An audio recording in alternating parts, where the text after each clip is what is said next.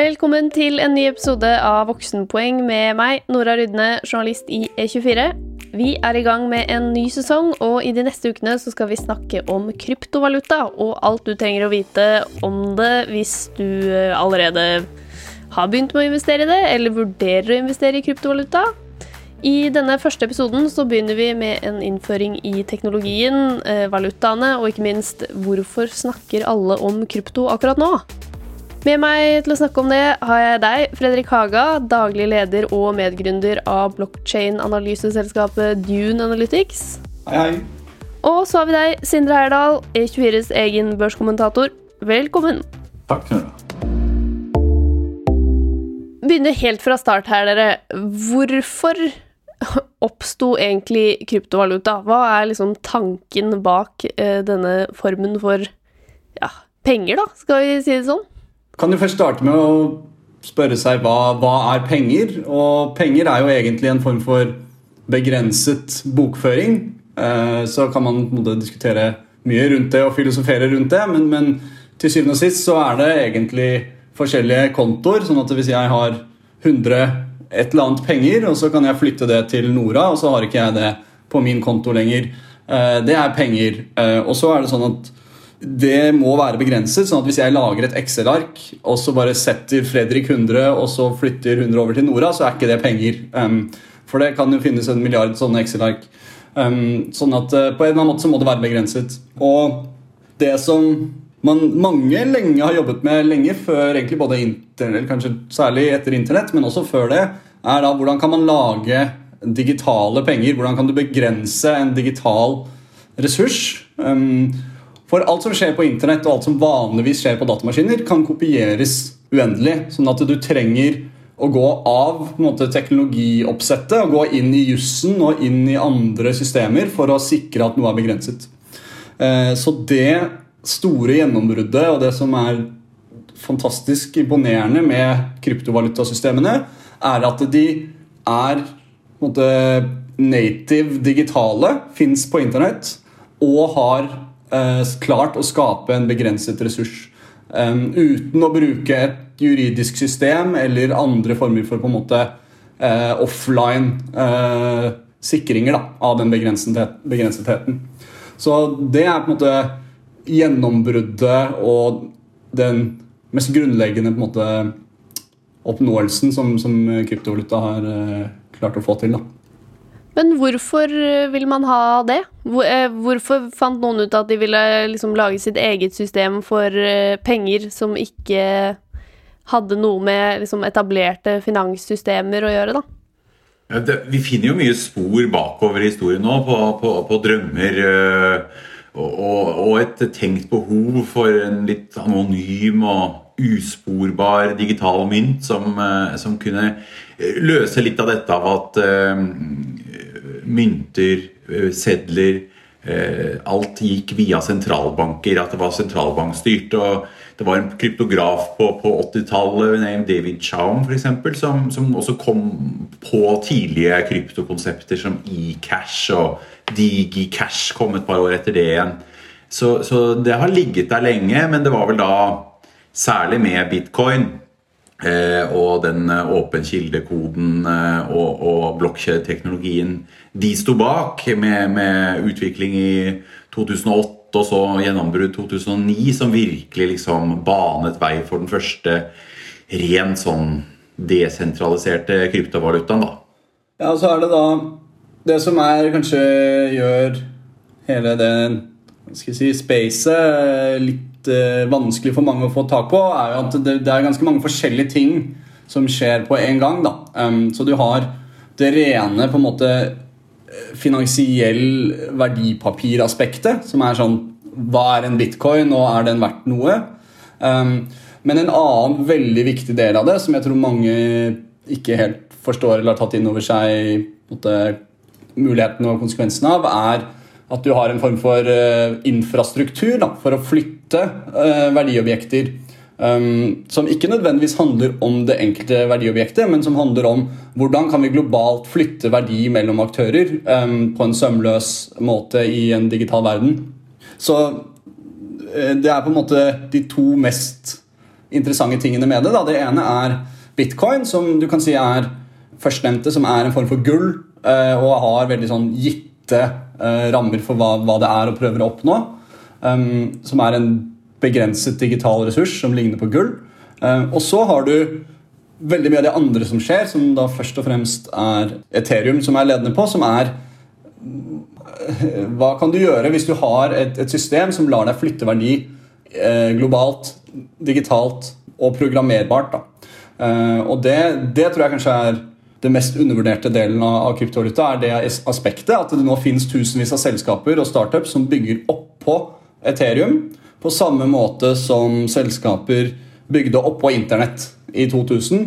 Eh, og så er det ikke så lett for folk å forstå eller på 90-tallet og 2000, eh, så er det ikke så lett for folk å forstå liksom, hvilket problem løser det egentlig, eller hva er nytten i det her. Eh, det er litt abstrakt og fungerer på en annen måte enn det vi er vant med. og sånn. Men det er veldig kraftfullt det å ha globale på en måte jernbaner, om du vil, for, for informasjon som Internett, og for verdiflytning som Ethereum og, og konkurrerende systemer. Da. Så jeg tror du kan på en måte dykke ned i det er en alternativ asset, og så kan du dykke ned i det er en alternativ eh, infrastruktur. Da. Og det er to litt forskjellige ting. Hva, hva, er det man Hva skal man med bitcoin? For akkurat nå så er det jo i størst grad en slags eh, et investeringsinstrument, da. Men eh, tanken er jo også at det skal kunne brukes til noe. Hva, hvorfor ville man ha en uh, måte å betale på som ikke er knyttet til kjente betalingssystemer? Egentlig er uh, hva skal jeg si, det verdiforslaget veldig likt um, gull. At gull har hatt verdi i 5000 år, og så har du hatt masse nasjonale valutaer som kommer og går og håndteres på forskjellige måter og fungerer godt i tider og mindre godt i andre tider forskjellige steder. Sånn at uh, gull er en begrenset ressurs som det er lett å vertifisere, lett å måte, uh, ha på siden av andre systemer som mennesker uh, skaper og endrer på. Um, og på samme måte så er bitcoin egentlig akkurat det, bare digitalt. Og det er som gull, bare at det er lettere å lagre, lettere å sende, lettere å dele opp, lettere å vertifisere. Og du kan programmere litt logikk oppå det. da. Sånn at Eh, spørsmålet om hvorfor skal, ha, skal, bitcoin ha verdi, er veldig likt som spørsmålet hvorfor skal gull ha verdi. Og Hvis man dykker ned i spørsmålet hvorfor har gull verdi, så det første folk sier er sånn Å ja, men du bruker det til å eh, ha det i smykker og sånn og sånn. Men det som viser seg, er at det er ikke det som egentlig driver verdien av gull. Eh, og folk vil ha gull på seg fordi det er verdifullt, ikke omvendt. Så fordi gull har verdi, så har det en slags signaleffekt og verdi å ha det i smykket sitt. Men det er ikke det som skaper verdien til gull i utgangspunktet. Verdien til gull er at det er en begrenset ressurs som er blitt sosial enighet om at uh, er verdt noe, um, og ikke blir tuklet med over tid. Um, så, det er på argumentet for bitcoin. Så kan man være for eller mot det og være, uh, ha troen eller ikke troen på verdens sentralbanker og evne til å ikke skape inflasjon osv. Men, men det er på en måte investeringscase og logikken. da. Så tanken er at man skal ha en valuta som ikke er styrt av én sentral aktør, som en sentralbank. Ja.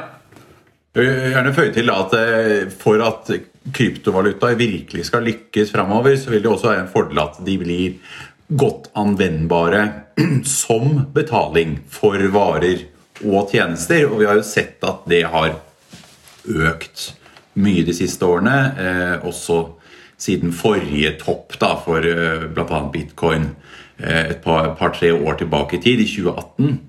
Um, og det kommer til. ikke sant? Nå har bl.a. Tesla lansert at de investerer tungt i bitcoin, men også vil åpne opp for å kjøpe Teslaer etter hvert med bitcoin. Og det at det blir stadig flere muligheter til å faktisk kjøpe noe, uh, vil jo hjelpe disse valutaene. Men en eh, ting som ikke er eh, fullt så avklart, er jo den store volatiliteten da, i disse kursene. For det er klart det er litt vanskelig å planlegge Tesla-kjøpet hvis, hvis, det er ganske bingo hva som er kursen om tre dager. Eh, den bør helst, som de sentralstyrte valutaene, gå i et litt mer eh, leie som er litt som er litt mer gitt og, og, og lett forutsigbart. Vi hadde jo et tilfelle hvor sveitserfrangen plutselig fikk et voldsomt bygg som skapte mye ulykker for mange som hadde investert her. Men det jo, tilhører jo sjeldenheten da, i sentralstyrte valutaer. Eh, og at det blir en mer stabil valuta, tror jeg er viktig da, for at det skal fungere bedre som et betalingsmiddel. Det som ligger helt i grunnen, som jeg har vært inne på, er jo også blockchain-teknologi. Og så er det liksom eh, en separat del, men også en viktig grunn til at det funker. Er det mulig å forklare enkelt hva blockchain-teknologi egentlig er? Det er ikke kjempelett å forklare det veldig enkelt, men jeg tror jo det som er den viktige på en måte å ta med seg. da, Så kan man jo gå finnes det tusenvis av YouTube-videoer og, og, ting man kan lese på internett hvis man virkelig har lyst til å gå ned i detaljene. Men poenget er at du kan sikre denne bokføringen eh, uten at du trenger på en sentral koordinator. kan du si da. Sånn at det, det fins finansielle insentiver til å delta i systemet, og systemet sikrer at det ikke blir juks. da, Og juks er jo da at jeg kan skape penger ut av løse luften som ikke er del av systemet eller reglene i systemet, eller at jeg kan sende den samme bitcoinen til begge dere to samtidig. ikke sant? Um, så på en måte det viktige å ta med seg, eller uh, gjennombruddet, er at du kan ha masse datamaskiner som har bare rene sine egne finansielle insentiver å tenke på, og de kommer sammen om å lage en sikker bokføringsmekanisme eh, på, på, internett. Eh, det er egentlig poenget, da. Eh, og så er det, kan man på en måte gå Bruke sikkert flere timer på å bare snakke om akkurat hvordan man får til det rent teknisk. Um, ja, og en annen måte å si det på, eller du sa det jo egentlig, men det er altså sånn at eh, transaksjonene eh, gjennom blokkjedeteknologien de går ikke via en mellommann, de går ikke via banken det vi er vant til, det selv VIPS gjør, det er jo at vi har mellomleddet. og Her går det direkte fra avsender til mottaker. Og det at eh, transaksjonene da blir bekreftet av hverandre, det, det gjør at altså, hver blokk inneholder informasjon om forrige blokk. Og da blir de lenket sammen når de verifiseres. Og derfra har vi da ordet liksom, blokkjede. Og den teknologien er jo liksom den er kjernen i mye eh, også for framtiden, tror de fleste. Det er ganske ukontroversielt å si at den teknologien er virkelig verdt noe. Eh, og mer enn kryptovalutaen i dag, så kan vi være ganske sikre på at den teknologien vil være med oss i, i veldig, veldig lang tid. Så det er litt som sånn å sende en pakke med sånn sikker betaling? Sånn helt hjem? At eh, når personen som mottar min pakke, bekrefter at den har fått den, først da skjer liksom betalingen? Bare at i dette scenarioet så er det PC-en min og PC-en jeg sender noen til, som kommuniserer sammen. Ja. For tanken har vel vært, som vi var inne på, at det er en slags sånn demokratisering da, av et betalingssystem. At uh, istedenfor å stole på én sentralbank, så stoler du på veldig mange personers PC som har noe mm. eh, koder som ikke kan fakes, da. Ja. Men og, og det, dette, altså Jeg tror demokratisering er et uh, nøkkelord som også er skal jeg si, ikke helt uh, verdsatt eller forstått uh, nok av mange. Da, fordi mange er kritiske til kryptovaluta fordi de er sånn ja, men hvilket problem er det dette egentlig løser. Um, og et problem er at det, det er ekstremt vanskelig å starte finansteknologiselskaper. altså fintech, om du vil. Eh, jeg kjenner flere som, som driver med det, og, og, de sitter i årevis med uh, juridiske spørsmål. Finanstilsynet, bankene De har ekstremt mange ting som, som ikke handler om å lage verdi for, uh, for, brukere, men som handler om å sitte og mekke med juss, få godkjenninger, um, lappe sammen vanskelig teknologi fra mange forskjellige parter og banker.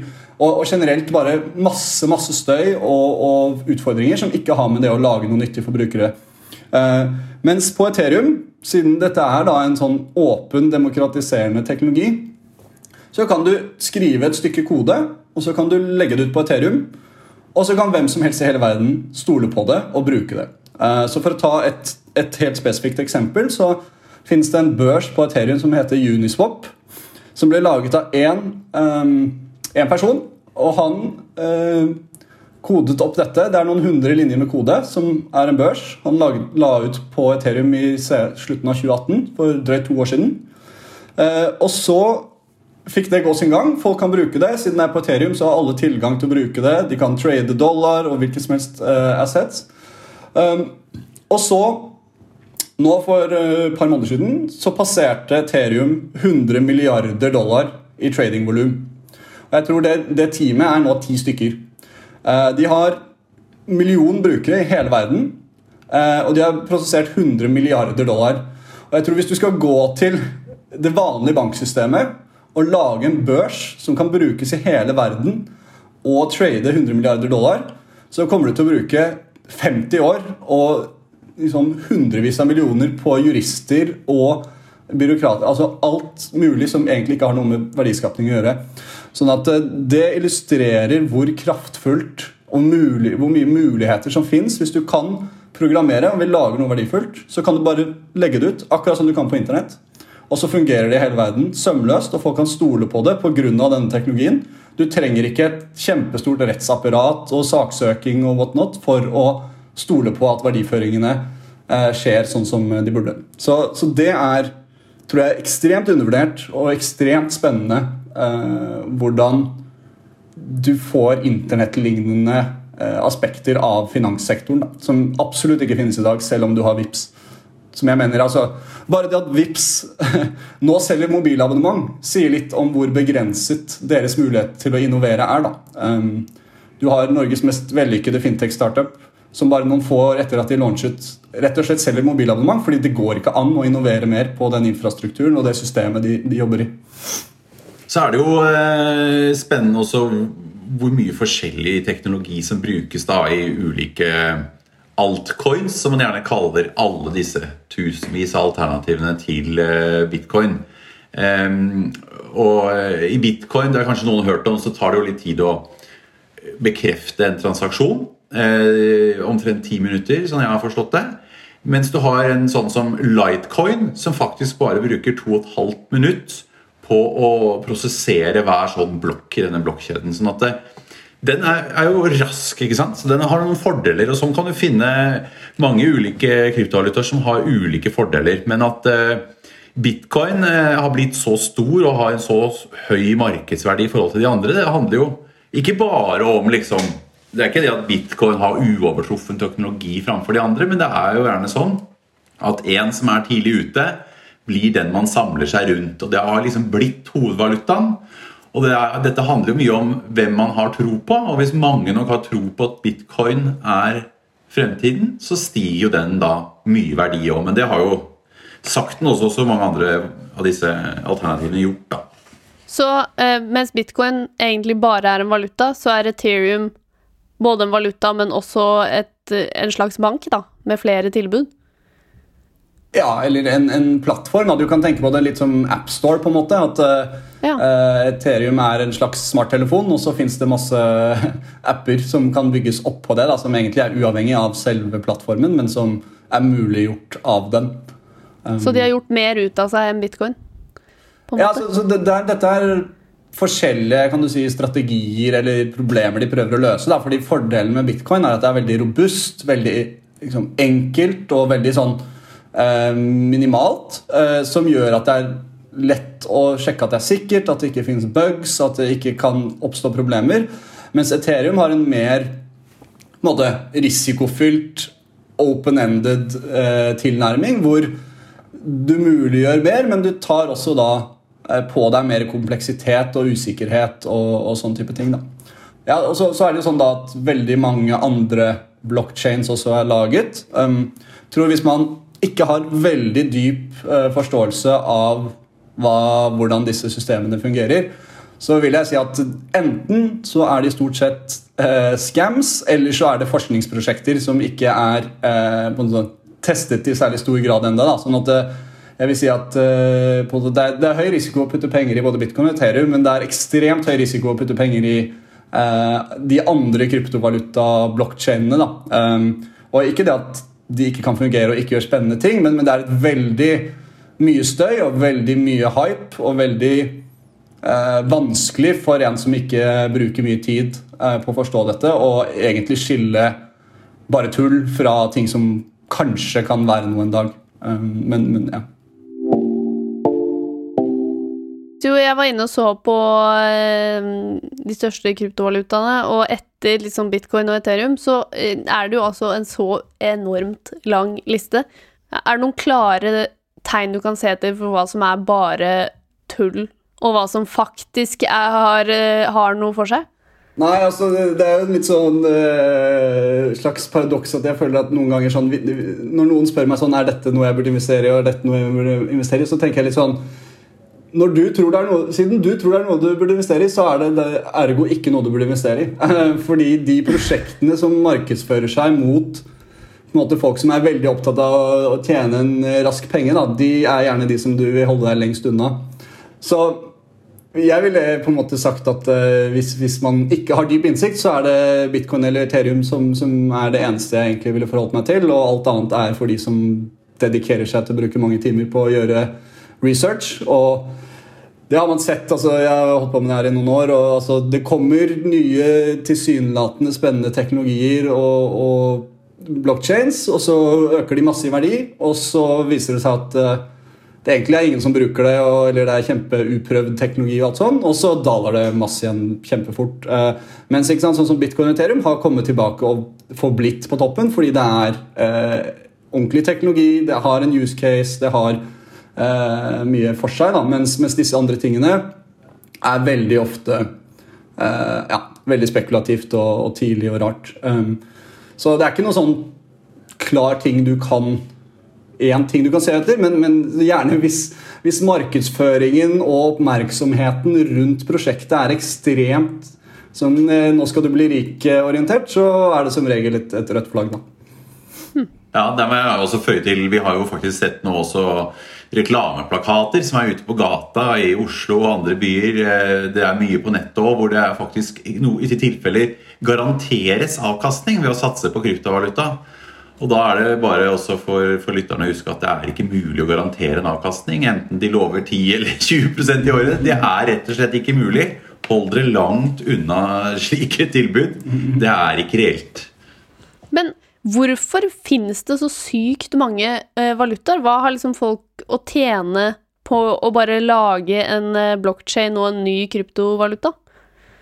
Ja, altså, Det er jo litt tilbake til det at det er lett da, og, det, og lett å lage nye ting. Eh, og det er på en måte to, to, poenger der. Det ene er at eh, det i seg selv gjør jo at det, det lages mange ting. Um, men jeg tror en annen sånn typisk litt sånn misforståelse eller forenklet verdensbilde er sånn ja, fordi det er lett, så betyr det at f.eks. bitcoin ikke er noe verdt. da. Men det er litt som å si at sånn, ja, fordi du kan lage en Facebook-klone, så er ikke Facebook lite verdt den dagen du har lagd en Facebook-kopi, fordi du har ingen brukere. Um, og dette er et nettverk.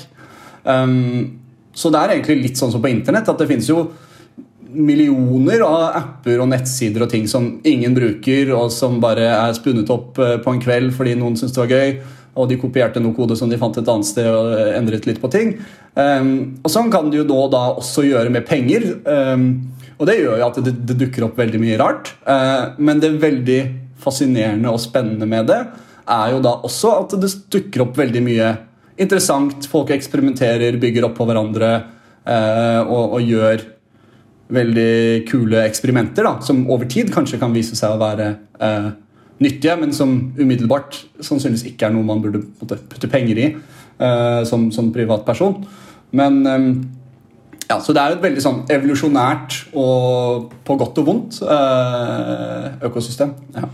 Men hvis vi tar utgangspunkt i disse mest populære eller mest seriøse aktørene, da, bitcoin og Ethereum, hva er det som påvirker hvor mye oppmerksomhet de får? Fordi nå syns jeg det er fryktelig lenge siden jeg har forholdt meg til kryptovaluta, og så plutselig så blir det masse oppmerksomhet som jeg ikke skjønner hvor kommer fra.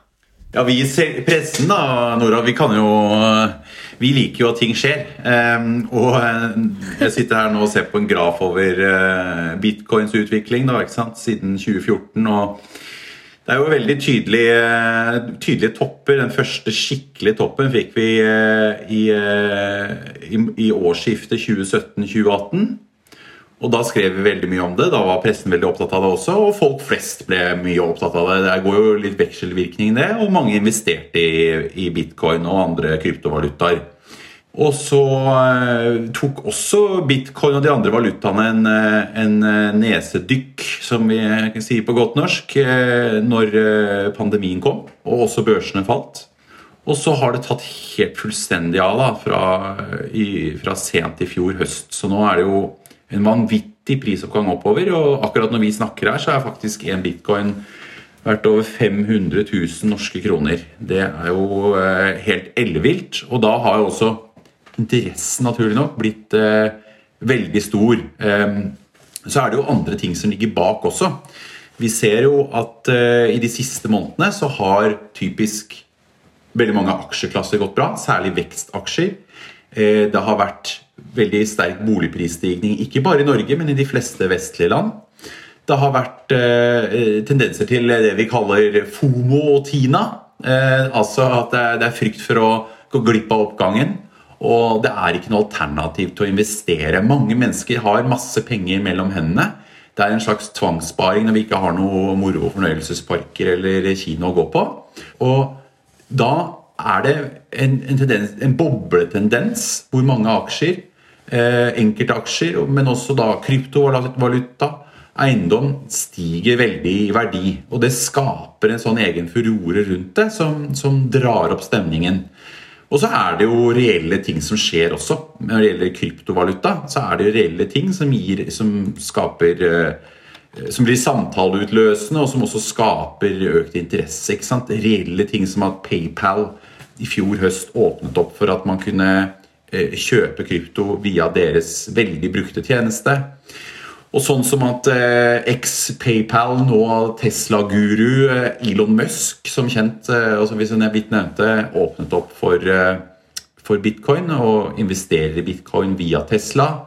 Eh, flere børsnoterte selskaper også som tar det inn. Selv eh, Kjell Inge Røkke her hjemme har jo begynt å sysle med, med slike ideer nå. Det er klart det er med på å dra oppmerksomhet og kurser og, og interesse, og at mange småsparere går inn i det. Man snakker ofte om nettopp det dere har sagt nå, at risikoen er jo også at det er jo ikke gull. Det er jo en kode, så det finnes jo ikke disse pengene på ordentlig. Du kan ikke ta på dem. Eh, og de er jo ikke sentralisert, så de kan i teorien bare bli borte i morgen. Hva er det som skal til for at bitcoin ikke blir borte i morgen, men eh, fortsetter å eksistere? Jeg tror hver, hver, dag det eksisterer, gjør det mindre sannsynlig at det blir borte i morgen. Uh, nå har det vel eksistert i ca. tolv år. Uh, men det er altså noe av det jeg syns er gøy med, med, kryptovaluta, og kanskje særlig i starten, nå har det blitt mye på en måte rundt det også, men var jo sånn, du kommer til veldig dype spørsmål om sånn Hva er egentlig verdi? Uh, og bare det sånn intrinsic value, altså iboende verdi, da men, men, selv det er jo også et filosofisk spørsmål Sånn, hva er iboende verdi? Um, uh, man bruker det begrepet ganske sånn lett å bare si ja, men eh, det har det iboende verdi eller har det ikke iboende verdi. men men det er jo et, et, kjempedypt og filosofisk spørsmål i mange tilfeller, egentlig. Og så har det på en måte blitt en innbakt altså det Noe jeg alltid syns var litt komisk, er sånn når eh, noen analytikere sier sånn Ja, men en aksje er en da kjøper du rett til fremtidig cashflow, og så sier du sånn, ha, men bitcoin er bare luft. Det er sånn, Du kan ikke gå ut i skogen og peke på en cashflow. Sånn, det er ikke noe som fins i naturen. Det er bare et, et, begrep, et konsept mennesket har blitt enige om at dette finnes, og dette ønsker vi å betale for. og, og liksom, sånn at uh, Dette kan man jo snakke om i, i timevis og filosofere lenge over, og det, det er kjempegøy, men, men, poenget mitt er sånn uh, Jeg tror det er mange dype og vanskelige og åpne spørsmål rundt hva dette er verdt, og hvorvidt det er verdt noe. og sånn og sånn. Men, men jeg tror også at eh, jeg vil oppfordre folk til å prøve å ta et steg tilbake og virkelig prøve å drille ned i ok, hva, hva har egentlig verdi, og hvorfor har det egentlig verdi. Uh, og da tror jeg du kommer frem til at å, det er kanskje ikke så åpenbart i, i, i resten av måte, finansverden heller, da, hva, hvorfor ting egentlig har verdi, eller hvordan vi kom til at det har verdi. Så noe av nøkkelen til at krypto skal liksom leve og bli en allmenn ting, er jo nettopp at det blir en ting folk forstår, da. For at det blir lettere å forstå hva kan det brukes til, hva er verdien At man, eh, som man har blitt enige om vanlig valuta, blir enige om at dette her funker. Mange nok blir enige om det. Ja. Altså, jeg har, et, jeg har et printet på det, I studien min har jeg et uh, printet bilde, et printet Munch-bilde. Som jeg printet for 100 kroner på Japan Foto uh, og puttet i en ramme. Uh, og så finnes det borti på I Tøyenparken så finnes sannsynligvis originalen av det bildet, som kanskje har vært 10 millioner, eller ikke vet jeg. Uh, og det er jo et interessant spørsmål. Hva, hva, er, hva er, den forskjellige nytten på det, det jeg printet, og det, det papiret som ligger borte på Munch-museet? Um, Men hva er, det, hva er, det, man er redd for? Hva kan, hva kan knerte det på ekte? Da? For det, altså, det, er jo ikke sånn at krypto er uh, allment bejublet eh, i f.eks. finansbransjen. Hva er metodene for å knerte hele markedet? Nei, vi ser jo, Det er helt riktig at det ikke er allment bejublet. og eh, Vi ser f.eks. stadig finanstilsyn i Europa, særlig det britiske. advarer om at kryptovaluta er høyst spekulativt, og at man kan tape alle pengene sine. Og det kan man jo. altså Den kan jo gå i null, som eh, Fredrik nevnte. Og det, det er høyst reelt at det kan skje. Eh, så man bør jo ikke investere hvis man ikke har råd til å tape de. Eh, og vi ser sentralbanker hele tiden, som jo også opplever at deres monopolsituasjon trues. da naturligvis, og De har jo sin agenda der, men de er også stadig ute og, og advarer. Og hvis vi skal se på for Én ting er jo denne svære volatiliteten, altså jojo-kursene, som vi har snakket litt om. Men hvis vi skal se på noe som virkelig truer deres eksistens altså Du kan jo også klatre igjen fra, fra null dollar, for å si det sånn, men, men, men, noe som virkelig kan true eksistensen, er jo nettopp hvis sentralbankene eh, bestemmer seg for at nok er nok. Eh, nå lar vi ikke dette holde på lenger. Vi lever jo ikke, ikke sant, i en anarkisk verden med én verdensregjering. Vi lever i en, en, verden med stater hvor de har betydelig myndighet også på sentralbankområdet. Og eh, hvis sentralbankene opplever at kryptovaluta i for stor grad tar markedet fra dem, eh, så kan de jo finne på å regulere det bort. ikke sant? Det er jo fullt mulig. Eh, så det er en regulatorisk risiko også da, rundt eh, krypto som man bør være eh, klar over. Myndighetene kan jo faktisk også finne på å lansere sine egne kryptovalutaer da, i en eller annen form. Det er også verdt å huske på, fordi vi ser jo også at sentralbanksjefer, som f.eks. Christine Lagarde i den europeiske sentralbanken, anerkjenner at denne blokkjedeteknologien har en verdi.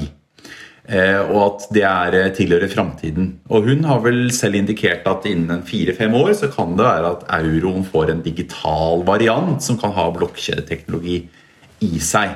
Sånn at eh, blokkjede vil nok leve med oss, men hva sentralbanken gjør bl.a. Eh, rundt dette, kan bli veldig for mye å si for de kryptovalutaene vi kjenner i dag, og de navnene vi nå snakker om. da.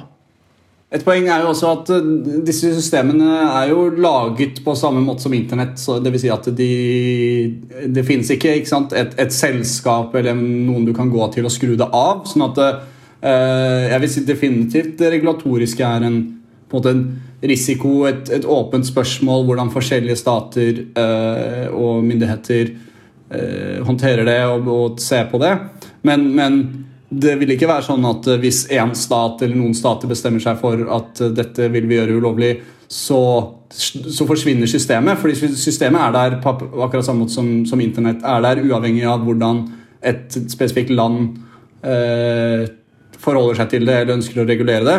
Eh, når det er sagt, så tror jeg og, og tenker at det er bra at uh, det reguleres og, på sett og vis. eh, men, men jeg tror det er også viktig å merke seg at at dette Hva skal jeg si Den uh, cat's out of the bag. Den, den, du, du, kommer ikke til å få den katten tilbake igjen. Uh, og uh, et annet viktig poeng der er jo at nesten alle vestlige land tar nå imot skatt på kryptovalutaformuer og verdigevinst og sånne ting. Og det er en form for legitimering. Det er litt vanskelig å på én side si ja, her tar vi inn hundrevis av skattemillioner på disse systemene, og her på den andre siden så sier vi at dette er ulovlig. Uh, så da, da, må man måtte bestemme seg litt der. Uh, I tillegg så er det jo nå f.eks. Coinbase, som er en av de største børsene, går på børs i USA, eh, altså en av de største kryptobørsene. Går på børs i USA nå til 100 milliarder dollars verdsettelse.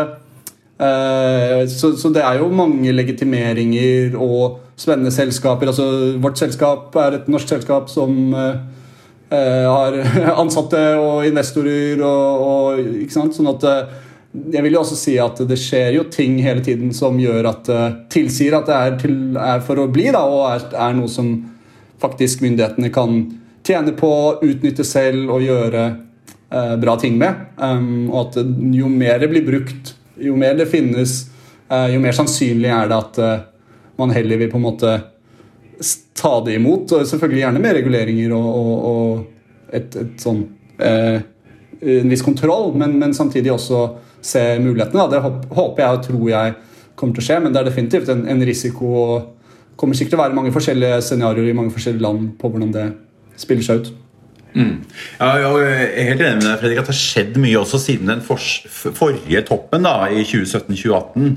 Som gjør at det, det, er, det, er, blitt mer stuerent. og Den gang var det vel først og fremst eh, altså Mange miljøer så det først og fremst fortsatt på noe for liksom liberalt innstilte nerder og, og narkobaroner. Og nå er det altså selv hedgefond og, og Wall som er om bord. Og, og børsnoterte selskaper. Så det er noe som har skjedd. Og det er en morsom historie. Eh, jeg tror det var Bloomberg jeg, som klarte å få tak i sånn lekket eh, tale han eh, Jamie Dimon holdt til, til de ansatte i banken sin, JP Morgan, ikke sant? en kjempe på Wall Street. Den talen holdt han da i 2017, når det var forrige gang det var hype rundt bitcoin.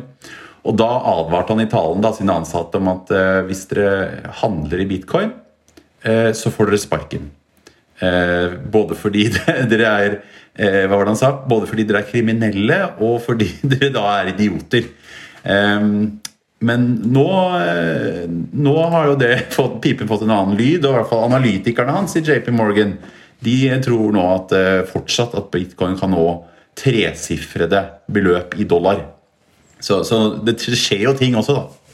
Ja, det, jeg syns det der er interessant. og samme Nordea, jeg vet ikke hva policyen er der nå, men de var jo også sånn forbød sine ansatte å, å by bitcoin. da. Og, og jeg syns det var ganske komisk. Da jobbet jeg i Schibsted. og For meg er det litt analogt til å, som at um, som om mediehusene på 90-tallet skulle sagt at nei, det, våre ansatte de får ikke lov til å bruke Internett. Her er det papir som er måten vi kommuniserer nyheter på. Eh, og, og, du får sparken hvis du prøver å legge ut noe på internett. Uh, Så kan man jo bare tenke seg hvor, hvor, hvor smart beslutning det hadde vært av en, en medieledelse på 90-tallet. Uh, eh, og de litt samme uh, Det er på en måte sånn, litt sånn jeg tror mange i banknæringen har vært. da. Jeg, jeg, tviler på at det er noe de kommer til å være tjent med i, på lang sikt. Så teknologien Blockchain den ligger bak krypto, og den gjør to ting. Eh, den gjør det mulig med kryptovaluta, altså en helt spesifikk type verdi, eh, sånn som valuta vi kjenner i dag. Og så gir den en hel rekke andre muligheter innenfor å utveksle verdier. Eh, krypto oppsto for å være en betalingsmåte som ikke er avhengig av en mellommann, sånn som en sentralbank f.eks. Så betalinger skjer ved at flere datamaskiner bruker kode til å sikre at betalinger skjer uten feil, sånn at du f.eks. ikke kan kopiere penger, eller ja, stå for at du skaper din egen megainflasjon. Å investere i krypto er litt som å investere i en startup. Man vet ikke helt hva verdien kan bli ennå, og kursen styres i stor grad av hvor mange som har troa. Men uh, mye kan skje, for det er ikke klart f.eks. hvordan det skal reguleres. Dette og mye annet eh, skal vi jo snakke mye, mye mer om eh, i de neste tre episodene. Og eh, i eh, neste uke så skal vi snakke mer om mining, så det er bare å følge med. Tusen takk til dere, Fredrik Haga i Dune Analytics og um, Sindre Eierdal, E24s børskommentator. Selv takk. Selv takk. Det var gøy.